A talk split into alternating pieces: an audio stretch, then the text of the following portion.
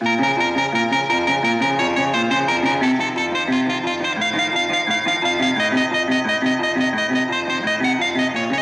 venez souvent ici, monsieur?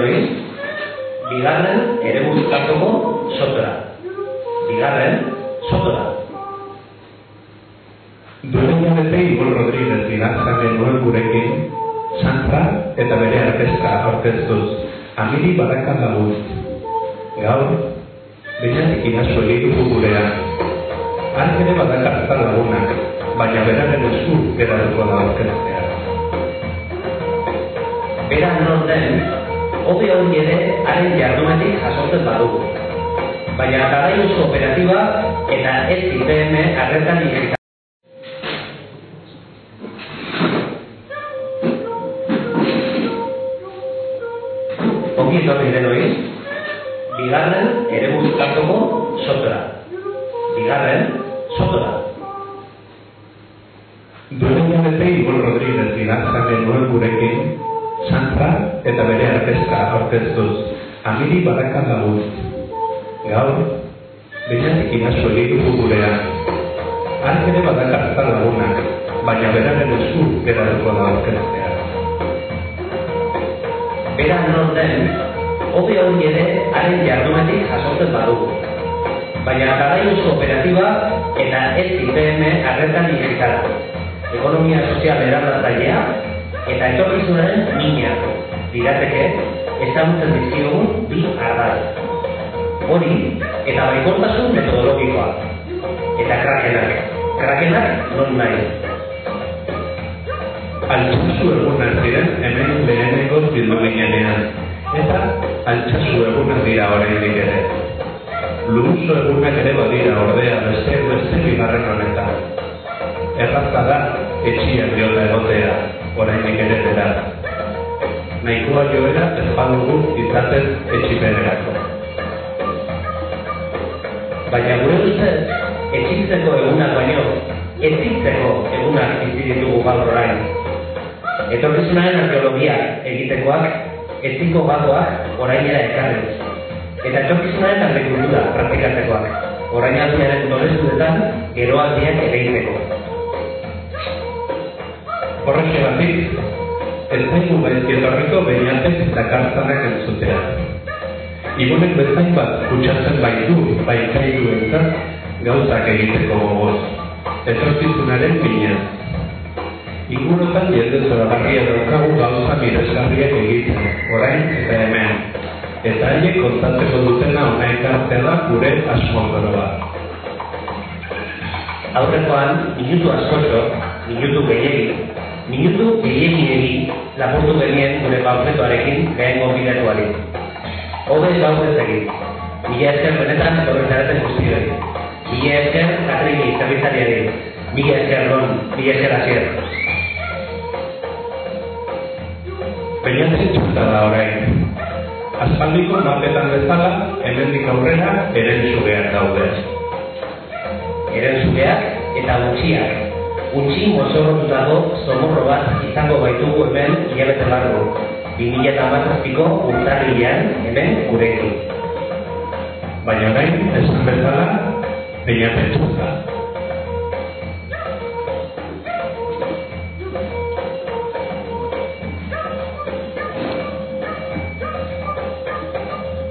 eskerrik asko bene kontatzeak, niretzako lor kontatu behar duten hipotesia kontatzeko, goi pertsona entzuten egotea, asko da. Ze normalean gor, gorka lokarek entzute ezki horrela bat, eta egin dago, uste kanporatzea, gor dago. Eskerrik asko etortzeagatik, eskerrik asko ere gonbidapenagatik, aurkezpena jartzeko kapaz baldin manet. Eskerrik asko gonbidapenagatik txerren, eta eneko. E, eskerrik asko eta, bueno, e, bizka bronka bat agarri zuetera, zen, ja, da, hirugarren urtea, e, marroi batean sartzen hauen azerrenen. Lehenengo urtean izan zen Lenin egunean, etorkizunari buruz hitz egitea, Lenin egunean. Bigarren izan zen Otxarkoa ban, e, Otxarkoako, Otxarkoako gida, gida turistiko lanak egitea, niri, tokatutzen lan hori egitea, eta gaur, ba, bueno, e, hemen kontatu nahi dizuena kontatzea. Ez da, ibak izuten ze pelikula ikustea zer zen. Ez dakite. Norbait kapaz bali bada asmatzen, ja pista bat dago, baina asmatzen, ba, bota. Ere, baina, bueno. Esan dagoa, eskerrik asko enbarka honetan sartzeagatik, zen, bueno, aspalditik buruan eukan hipotesi bat lantzeko aukera eman dit, azken egun hauetan. Egia esan, aspal, aspaldi egiteaten gonbidapena, baina azte bukera honetan jarri nahi duenetan e, hau prestatzen, zen, egia esan, horrelako hipotesiak egitea guztuen zai improvisatzea. E, askotan, improvisazioa berak ematen duelako zera, ideietan garatzeko aukera. Askotan, jartzen ganean oso oso metodiko, atatzen zezkigu gauza infumableak, ez? Eta, e, ematen digunean denbora improvisazioari askotan ideia interesgarria bat ateatzen dira. Mm. Lehenengo bideoa jarri duguna, esartzen ari zinetenean, ez da kasualitatea, eh? E, Strangers, zen, e, Golden Brown abestia da. E, abesti horren bertxio bat ikusi ez dute, bukara, hasieran eta bukaeran ikusten ziren, e, zera, hola, Egiptoko irudi batzuk, ez dakit, e, berroita margarren amarkadakoak, edo igual lehenagokoak, ez dakit noizkoak, baina nahi dator, zera, bueno, nahi nure lotura aurreko saioa eta honen artean. Aurrekoan san hitz egin zen, Egipto, Egiptoz, eta nahi izan dut handik lotu, Egipto lotu, e, zera, ez, Britania handia e, post-victoriano dekadentearekin, ez, gaur ikusiko egun pelikula horta datu ba, nurri batean, ez, Britania handia den imperialismo dekadenteari buruz. Eh? Norbaite bali baki pelikula esan, altu. Gremlins. Horretik. Gaurko, gaur ere hipotesi bat Eta hipotesi bat eta proposamen batzuk. Eta nahiko nuke gaurtik, ba, gorkatanik, talaios kooperatiban askotan hitz egin dituen gai batzuk ere pixka bat gehiago zabaldu, eta hemendik atera den baiteke hipotesi hori lantzeko jende gehiago, ba, ni pozik aterako naiz. Ja? E, gaurkoa ez da izango saio era musikatua, musika pixka jarriko dugu, aldenean, e, musika armeniara, gustatzen daitelako musika armeniara, eta gaiarekin ere lotura pixka daukalako, baina, bueno, entzungo, entzuteko aukera izan dute, bitartean, e, hori, mapa hori nahi nintzen, esan du, map, e, mapetan, mapak ikusiko ditugula, mapetatik eroizu beak ikusiko ditugula, eta nor, norbeten mapa ezagutzen du, oso ezaguna, eta oso aktuala. Eta zut ezagutzen. Mapa da, saiz eta pikoten e, akordioaren mapa. Hmm? Pelikula gertatzen den, ez pelikula grabatu baizik da, pelikula gertatzen den urtean, e, imperioek hartu zuten, era, e, zera, nolabiteko egin akordioaren mapa da. Eh? Eta mapa honetan, paperean marraztu zutena, gaur egun hori sufritzen ari dugun egoera bada. Hmm? Momentu horretan imperio, e, imperio Turkiarra desagertzeko puntuan zegoen, beste imperioek batzekiten, eta oso golosina interesgarria zen momentu horretan. Orduan, lehenengo gerra mundiala gertatzen ari zen momentuan, mapa batean hartu zuten imperio Turkiarra, eta zatitu zuten lehenengo gerra mundiala irabaztea espero zuten potentzien artean. Eh? Mila bederatziron gamasei. Ordurako ja batzekiten lehenengo gerra mundiala idatziko zutela. Lehenengo gerra mundiala bi urte gehiago irantzun. Atzo egin zuen egun urte, e, berduneko batalla bukatu zela. Milioi bat hildako. Beharrezkoa ezen gerra batean. Eta ondo, imperio dekadenteen ondorengo estatu nazional asko sortu zituen gerra baten e, zera ez, ernamuina izan zen. Pa, mundu hori bizi dugu. Pelikulan punto honetan moztu dugu punto klabea delako. Eh?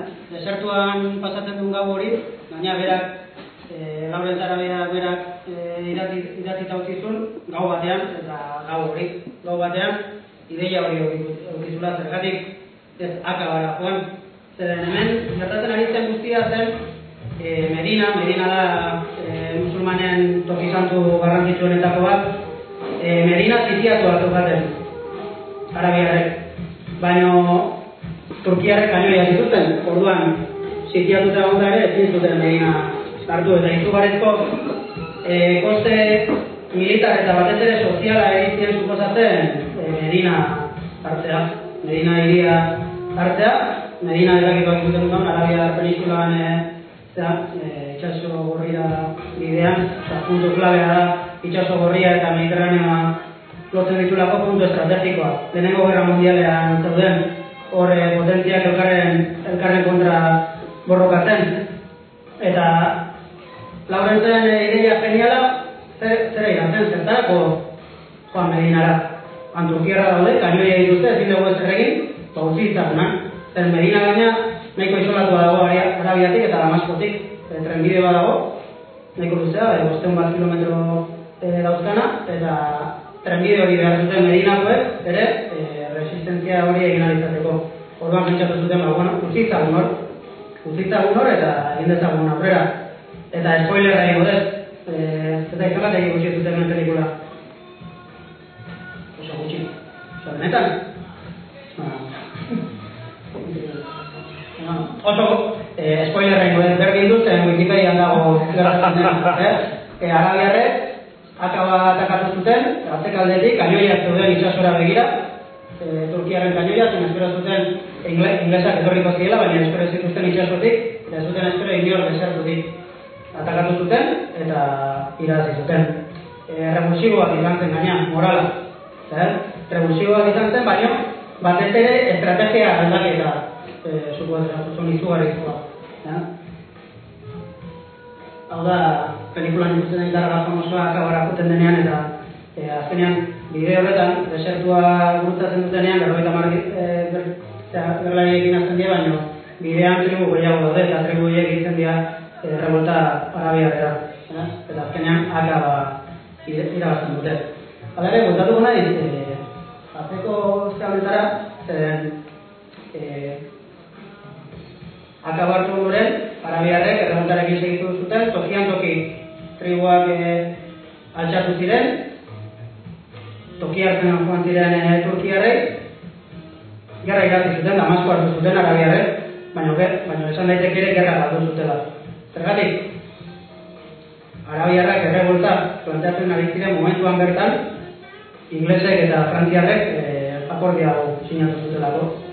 Imperio Otomarra- Ot- Otomandarrak gerra galtzen duenean, Arabia zatituko dugu Europara imperioen artean. Eh? Hau da, aprobetxatu zuten imperio baten dekadentzia, ja dekadentzian zeuden imperioek urte batzu gehiago irauteko. Eta ez da kasualidadea eta hor dialogo batzutan e, agertzen da eta dialogo horretan konturatu naiz asteukara honetan, zeren bosta aldiz ikusi, baina asteukara honetan konturatu naiz horretan, paisale badaki inglesek zerbait batela atzean, hau da, badaki zerbaitagatik ari ari direla errebolta e, sustatzen. Mm? Eta esaten duenean, inglesen dutena Arabia da, desertua da, desertu hori zer da, petroleoa. Erretzen, momentu horretan ja, estrategikoki planteatu atzeman petrolea izan zitekela etorkizu nahiko e, ikatza. Eh, Eta oso leku konkretutan ezagutzen zen momentu horretan petroleoaren guztiak eta horietako bat zen Arabia duan. E, pentsatuta ere, ez, modu oso romantikoan, e, Arabiaren errebolta inglesek sustatu zutela lehenengo gerra mundiala irabazteko, benetan zen sustapen bat imperialista. Eh, Hor, asmoa zegoen, hasiera hasieratik eta mila eta hamaseian ja sinatu bat zeukaten e, Arabiaren zatiketa, e, hori ez, azkenean imperioek izateko errekurtso nahiko, urte batziz gehiagotan imperio izaten segitzeko. Eh? Eta zergatik da trafikoa mapa hori ikusten dena bero, mila bederatziehun eta hamaseian ikusten delako gaur egungo Siriako gerra. Osea, jaten bat arte, hori da gaur egungo Siriako gerraren mapa. Eh, Eta ez da kasualitatea, orduan zen gerra imperialista eta gaur egun ere da gerra imperialista bat. Eta munduaren erdigune estrategikoan dago, eta askotan ematen du konspirazioaren eh, zerran gabitzala, baina hori da realitatea, historiak erakusten du eta gaur egunak ere erakusten du. Egun urte pasa dira, eta mapa horretan gaude. Eh? Mapa horretan gaude. Orduan, bueno, eh, askotan ez, eh, pelikula pixkat, eh, Niko bain arte, ez, pelikula estetikoki polita, baina, bueno, aventura romantiko, aventura romantiko bat, ez, ez nion karga gehiagirik ematen, egia da, gula urte batzutatik, e, lauren zirakorri nuen, eta horreia aldatu zian ikuspegia asko. Zeren, zein da nire tesia, edo gaurko hipotesia, eta nire den azkekin konpartitu, eta nahi dunak bat egin eta nahi dunak ez. Niretzako, laurenzek ematen dula, errealitatea irakurtzeko eh, gira. Eh? Zaten gara eta horrekoak, ez? Ba, niretzako laurentza, eh, estrategia ulertzeko modu oso bat. Hm? Niretzako, nik, nik bi, bi autore ditut, hola, niretzako betaurrekoa direna Marx eta Laurentz. Bakoitza bere etorriko ditu, baina nire dira, hoi dira, eta ikuste, saiatuko nahi esplikatzen zergatik. Eh, ez dute bat egin garrik, eh? Eta nahi zetan moztu eta eta kontra egin. Zein zen, zein zen Laurentz. Eh? Laurentzen, eh, tipo bat, lehen esan dut, eh, post-victoriano. Hmm? Eh, hor bada hori liburu bat, nahi batuko eh, izena baino da, da irakurriken liburu horretakoa eta da, azertzen du nola eh, kultura occidentaleko kultura edo aldatu zen eh, lehenengo gerra mundialarekin. Hmm? Eh, tesia oso interesgarria da, azertzen du nola eh, batez ere mundu anglosajoietik irakurrita dago, baina nik uste balio du kultura occidental osorako, oso anglosajonizatu daudelako, baina horra, e, aztertzen du nola, kultura oso aldatu zen gerra e, suposatu zuen trauma batik. Mm? Eta hor, lauren da, hor e, parte bat izan daitekena, baina, bueno, e, oso garrantzitsu da, konturatzea, e, aurretik zeuden, e, nola baita, e, pertsonen pentsamoldea. Eta ondoren egon zena oso, oso ezberdina zela. Eta lauren zen justo, eh, post-victoriano bat, pre, lehenengo gerra mundialeko pertsona bat. Pertsona kultua bere, poesia zalea, eh, arkeologoa, bera Sirian zegoen gerra hasi zenean arkeologo bezala, Indiana Jonesen ideian ikuste bat dator zuzenean. Eh, eta gerra hasi zenean, ba, Inglaterrako gazte asko bezala, gehienak bezala, eh, armadan analizatu behar izan suertea izan zuen, zen tokatu zaion, e, zen, Arabia, eta ez, e, ez Europako trintxeretan hasieran lehenengo lehenengo estenetako batean esaten da, uste zuloan gauden, ez, oker, baina posi daude, azkenean ez daude da Europako trintxeretan, ez. Baina da pentsa molde bat, e, lehenengo gara mundialarekin bukatzen dena. Nolaiteko, e, romantizismoaren azkeneko oleadak edo, bukatzen dira lehenengo gara mundialarekin, eta hortik aurrera pentsa moldea era bat e, aldatzen da. Eh, hor liburu esan den liburu horretan esaten du. E, inglesak asko zinikoagoak bihurtzen dira momentu horretatik aurrera, denean, eh, kulturan, eh, poesian, eh, e, beraien obra horra guztietan eta laur da justo azken horietakoa, eh? E, galestarra berez e, neko politikoki jantzia eta hori gero ordaindu zuen, asko, zenet, bera baita armadako inteligentzia egon eta biari misio batera bera politikoki nahiko bueno, eh, zeratzen, eh, panfiloa dut eh? Zena, erabile izan zen bere ere. Argia zen estrategia kontuetan, baina politiko, eh, estrategia politikoan edo eh, nahiko ideia guzti zeukan eta horrela horrela ikusi zen gero bera gero oso frustratu zulako. Eh? Eh, eta hori da, eh, Gerra amaitu ondoren segitu zuen inteligentzia zerbitzuetan, baina posturatu zenean Inglaterra ze postura hartu zuen arabeikiko zen, berak sustatu zuen, berak zukan ideia zen, e, bueno, faisalekin eta estaturekin bateak, bueno, bai, panarabiaren ideia hori ez, arabe guztiak elkarrekin, eta eta estatu handi bat eta herri handi bat, ez, nazio handi bat, hor gaina ipatzen du, naziotasuna bera, nazio handi bat sortuko dugu, baina ez du lortu.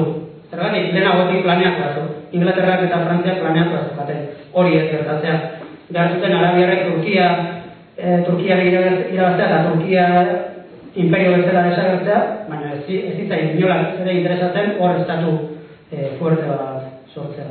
Eta e, horren ondorioz, e, bueno, gero, osea, politikan segitu, e, batez ere diplomatian segitu zuen, baina gero utziztun eta retiratu zen bizitza militar eta politikotik, egazkin iztripu bat izan zuen eta salbatu zen, baina gero moto iztripu izan zuen eta bertan gelditu zen. Eh?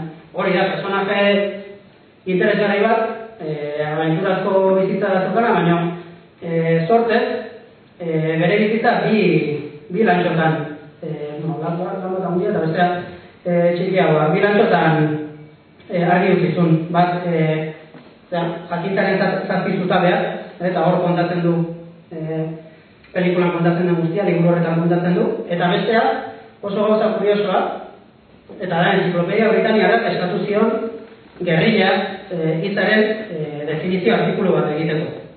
Eh? Eta modu oso heterodoxoan, egin barrean olako artikulu txiki bat, egin zuen e, hogeita bost horri inguruko artikulu bat, non esplikatzen zuen, bere planteamendua e, gerran gerrilla antolatzeko. Eh? Oda, nola antolatu zituzten e, arabiarrak, e, gerrilla metodoak erabili. Eh? Eta hori da, osea, hogeita bost horriko dokumentu hori, da altxor bat. Altxor bat, izugarriko pista pila ematen dizkiguna, e, gerrilla antolatzeko modu buruz. Eta gerrilla antolatzeko modu modu buruz ari nahi zenean nahi, gerrari buruz bakarrik ari. Eh? Ari nahi batez ere, e, baliabide gutxirekin, struktura hundien eta dekadentzen kontra nola egin dezakegun e, demostratzen duen e, teoria. Eta teoria bada. Eta gaina incluso oso modu heterodoxoan ere, baina e, kasi kasi zientifikoki demostratzen saiatzen da e, lauren e, hogeita bostorriko dokumentu horretan e, nola izan argun gerrilak eta eta zeklak ditu. E, gomendatzeko irakurtzea, gero motako zuen. Beste bat. Egia da ere, eta e, pelikulan azaltzen da, e, lauren izan zen e, propagandista handi bat. Hmm? Propagandista handi bat, zeren bere burua berak, Arabian egin zituenak oso ondo saldu zituen. Baina hortan ere pionero zen. Bere teorizazioan bertan esaten zuen komunikazioa berak zeukan garrantzia etorkizuneko gerra eta, eta politika. Eh? Ordu arte, garrantzia baten zaio, baina ez teorikoki. Eh? Nola bai, ulertzen zen, eh, herritarrak e, konbentzituak izatea garrantzitsua zela eta propaganda horrela ulertzen zen, baina ez zen ulertzen e, tresna oso bat bezala e, etorkizuneko gerrak egiteko. Eta Laurenzek proposatu zuen hori, eta egin zuen, eta egin zuen bere burua hartuta ikono bezala. Eta gero, agertatu zaio, mila ziren da irurita bian, e, pelikula hori zuten, eta Peter Rotuz bihurtu zela bere Laurenzen ikono bera, ni orain e, saiatzen naiz imaginatzen nola zen Laurenz, eta ez nahi bai. Eh? Osa, begitu, osa, nik aukatan irudia, eta oze, ia, dene guapagun irudia, pelikula ikusi eguna bintzat, da Peter Rotulen orpegi hori, ez, egukeran daukan edo, edo orpegi hori, eh, hori da ikonoa, ez, eh, oza, arabiaren erreboltaren. Eta, zertan asmatu zuen Laurenzek? E, Laurenzek, kasu konkretuan, e, ikusi zuena zen, e, Medina atakatuta kainoia bezituzten, ez daukaten baliabide e, militar e, materialik, orduan beste baliabide batzuk erabili behar zituztela. Eh? Beste baliabide batzuk erabili behar zituztela, azkenean, e, zertarako irabazteko, eta hori tituluan jarri. Hau da, hemen eta resistentzia utxeko estrategia bat planteatzen dutena, da, irabazteko estrategia bat planteatzen dutena, hau da, ez duten nahi e, Turkiarrak inguruan ibiltzea, eta beraiek e, Arabia berdian e, desertuetan eta lasa, lasa ibizitzea, nahi dutena, Damasko hartu. Damasko dago, Medinaren beste puntan, desertuaren beste puntan. Baina beraiek Medinara begira dira, baina Damasko hartu dute. Eta zera egiten dute, ba, Medina ez e, erasotzea. Baina bai erasotzea tren, e, trenbidea. Bosteun kilometroko trenbide hori. Konturatzen direlako, trenbidea erasotzeak askoz koste ekonomiko eta e, militar handiagoa suposatzen dira e, e, Imperio Otomanoari, Medina bera galtzea baino. Hmm? Eta hortaz, ez ez uste, gero irakortzen dezunean lauren, ematen dutena pentsatua zegoela. Ez ez uste, era bat e, estrategia konstiente izan zenik hasieran. Baina konturatzen dira, eraso txikiak egiten hasita, askoz koste handiagoa sortzen direla e, Turkiarren. Eta batean Turkiarrak e, autoa izlatu egiten direla, eta ez direla azten beraia atagatzen hori ikusten den, e, zera ez, egazkinen eraso hori da Turkiarrek e, Arabiarra deusuztu nahi duten momentuan, baina iristen da momentuan non ja e, Turkiarrek ez dituzten Arabiarra atagatzen, mila koko sortzen direla. Eh? Eta hori da oso oso garrantzitsua ere. Kalkula aritmetiko bat egiten du Laurenzek, eta hori diotenez e, egia da, eta kalkulatzen du zenbat e, solda, solda Turkia behar ditu Turkiako imperio bat, e, momentu horretan bere esku dagoen territorioa defendatzeko. Turkia ditu egun mila soldadu, eta kalkulari metiko bat egiten du, eta kalkulatzen du zei mila soldadu behar ditula, benetan territorio hori e, defendatzeko. Orduan zer egiten du, ba, territorio horretan, puntu ezberdinetan, e, e, altxatu e, tribu ezberdinak, zen horretzea tribuen artean ere, ez diela ondo eramaten, eta hori kudeatzeko zer egiten du, tribu bakoitza altxatzen da bere territorioan bakarrik. Tribuak ez dira esplazatzen puntu batetik bestera. Tribu bakoitzak egiten du e, iraultzatxo arabiarra bere, bere territorioan. Eta hori da, estrategia irabazlea, eramaten diona azkenean, desgartez, e, momentu batean, Damaskoko bidea libre aurkitzera. Eh? Eta e, hor, planteamendu teorikoan ere esaten du, irabazi Damasko, batalla bat ere egin gabe. Eta esan daiteke horrela irabazi zutela gerra batalla, bakar bat ere ez dago bereziki, esan batalla egon ziren, batalla ez baina ez dago batalla bat, e, e, klasikoa ez, ulertzen duguna ejertzito, ejertzito bat, bestearen kontra, hori ez dago. Eta hori teorizatzen duela. Eta teorian, hiru elementu. Bada, e, edozein gerran, edozein gerran, e, ordura arte, planteatzen du, eta lehenengo gerra mundiala da, horren e, erakusgarri, ez dago garaipenik, ez badago odolean e, ordainduta. E, hau da, garaipena ulertzen da, beste asuntxituta. Beste asuntxituta, baina fizikoki asuntxituta. E, mate, material arloan, baina baita ere, e, beste soldaduak e. Eh? Eta hau oso oso garrantzitsua zen. Gero pelikulan beste puntu baten aurrera hor ikusten da ze garezia zaien Arabierrei, Arabiar bat ere galtzea. Hmm? Nola bai, e, sozialki oso kostosoa zaie hildakoak izatea. Turkiari kontrakoa, Turkia ditu, bueno, toka karne gainoan esaten dena. Baina, e, Arabiarek ezin dute horrela jugatu. Eh? Eta hori konturatzen den momentuan, erabiltzen du e, hori ere klabea dela.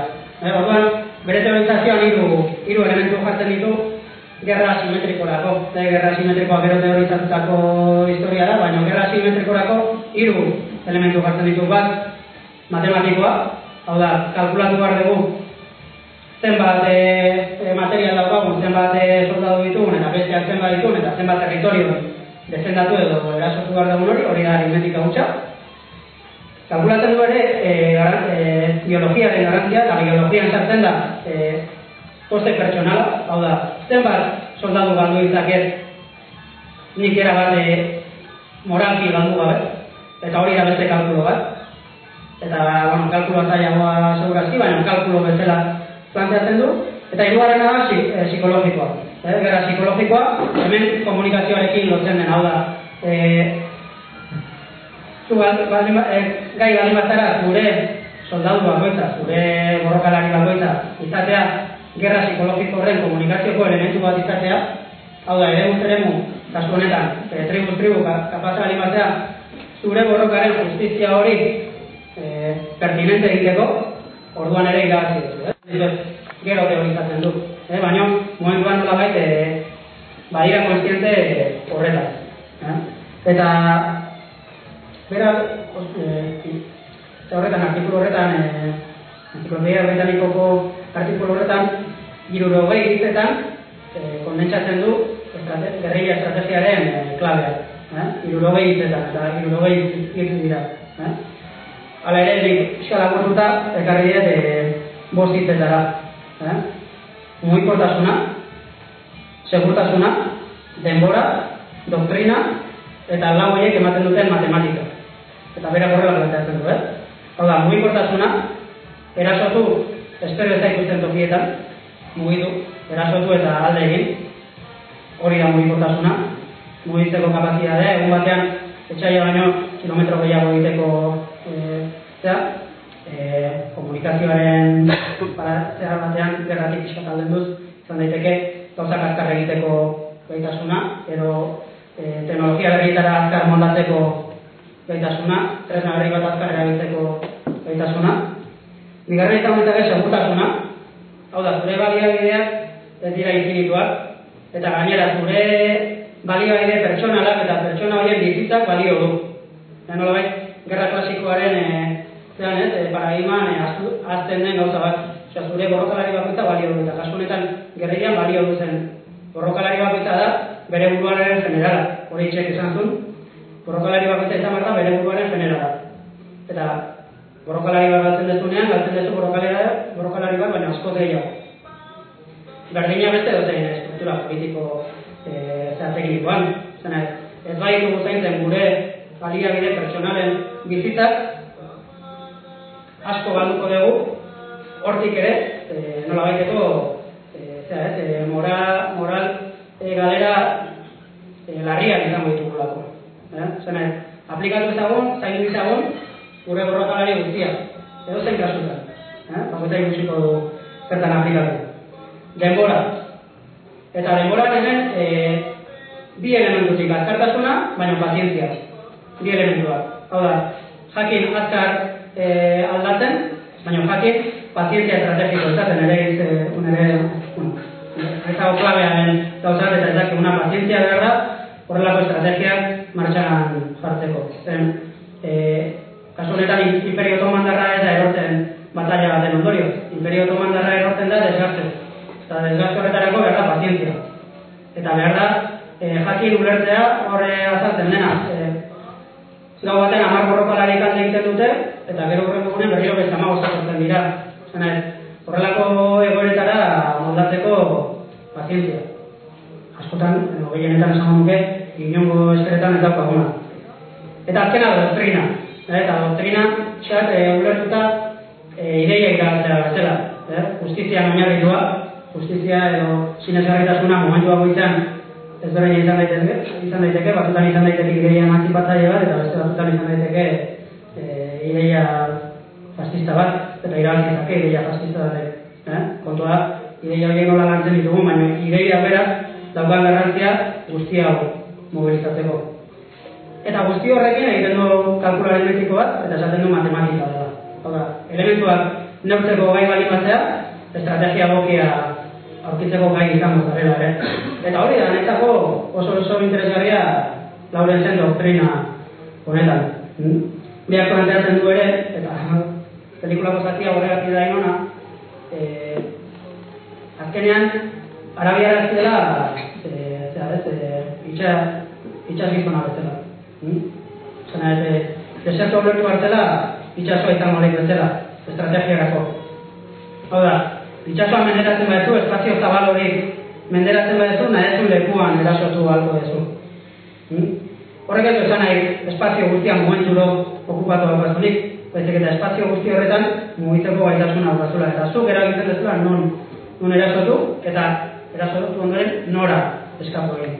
Ja? Azkenen itxasoan, zuk alkoazulako e, territoriaren e, ezaguntza hori. Eta netzako oso ideia iradokitzaia da zen.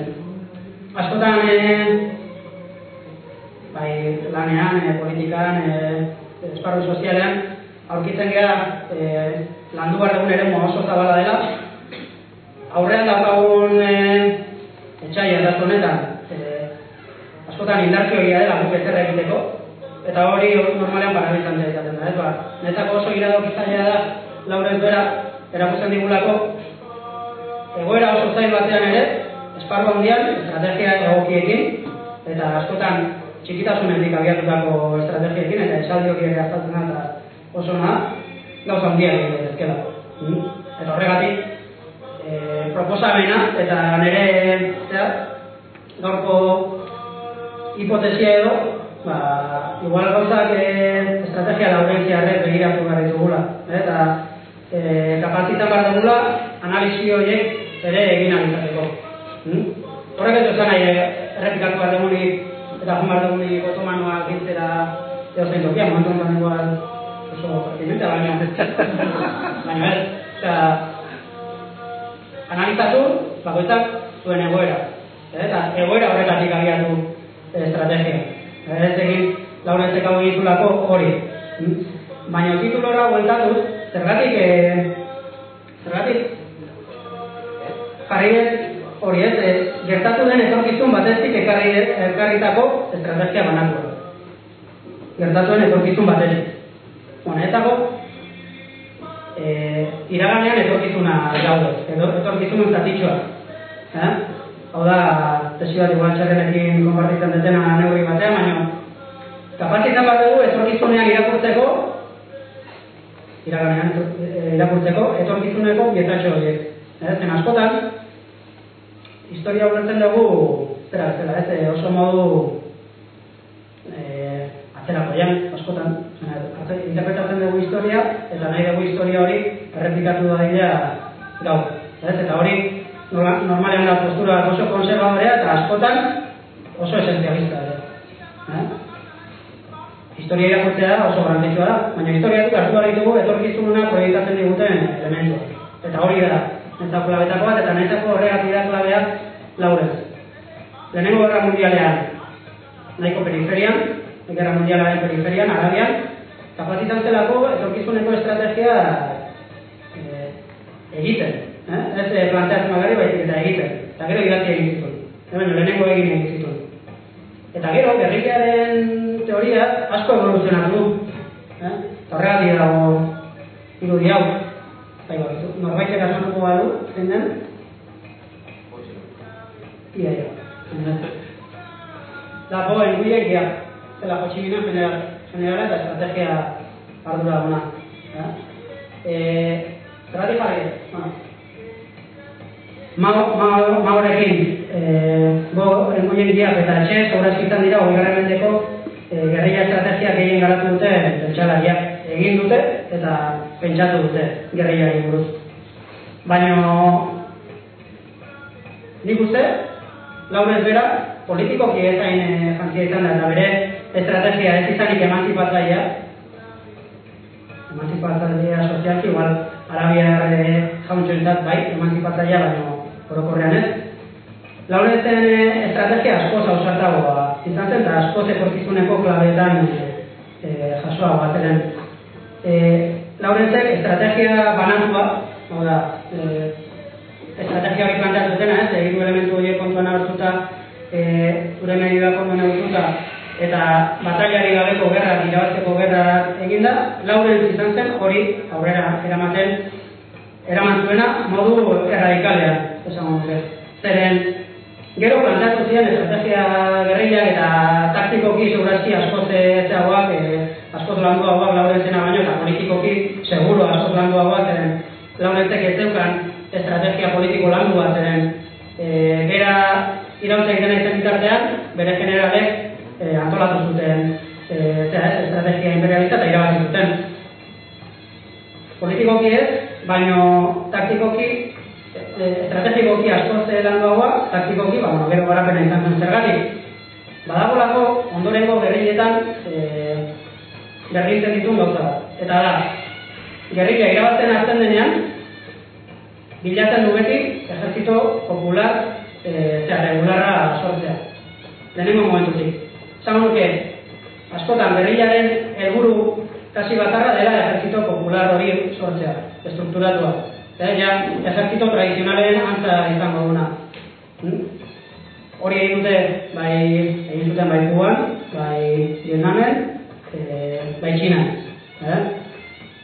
Eta hor, e, askotan gertatzen zaigu, eta hori orainera ekarreta, gure gerrilla estrategiak, e, txikitasunez irabiatutako estrategiak, e, punto irabazleak e, e, jasoten hasten denean, bere ala saiatzen geha, deusestatu nahi dugun hori replikatzen. Eh? Zena, e, Berdin enpresa bat martxan jartzen dugu, saiatzen gara txikitasunetik kolako estrategia bereziak egiten, baina ja daukagunean nolabaiteko, ez, e, bueno, lehenengo bataiatxoak irabazita, bere ala saiatzen gara ekiparatzen suntxitu nahi dugun horrekin. Eh? Oso modu simplifikatu nahi nahi kontatzen, baina da, e, askotan gertatzen zaigun zerbait. Eh? Eta lau bezek aurrera, aurrera mantzun estrategia hori bukaera daño. Hmm? Hau da, e, planteatu zioten, e, momentu batean lehenengo esitoa lortu zituztenean, planteatu zioten zergatik ez, e, zera, ez, e, indar arabiarrak ejertzito britaniarrarekin batu eta Damasko asaltatu, Medina asaltatu, baina esan, no principio, ez zuten egin. Eh?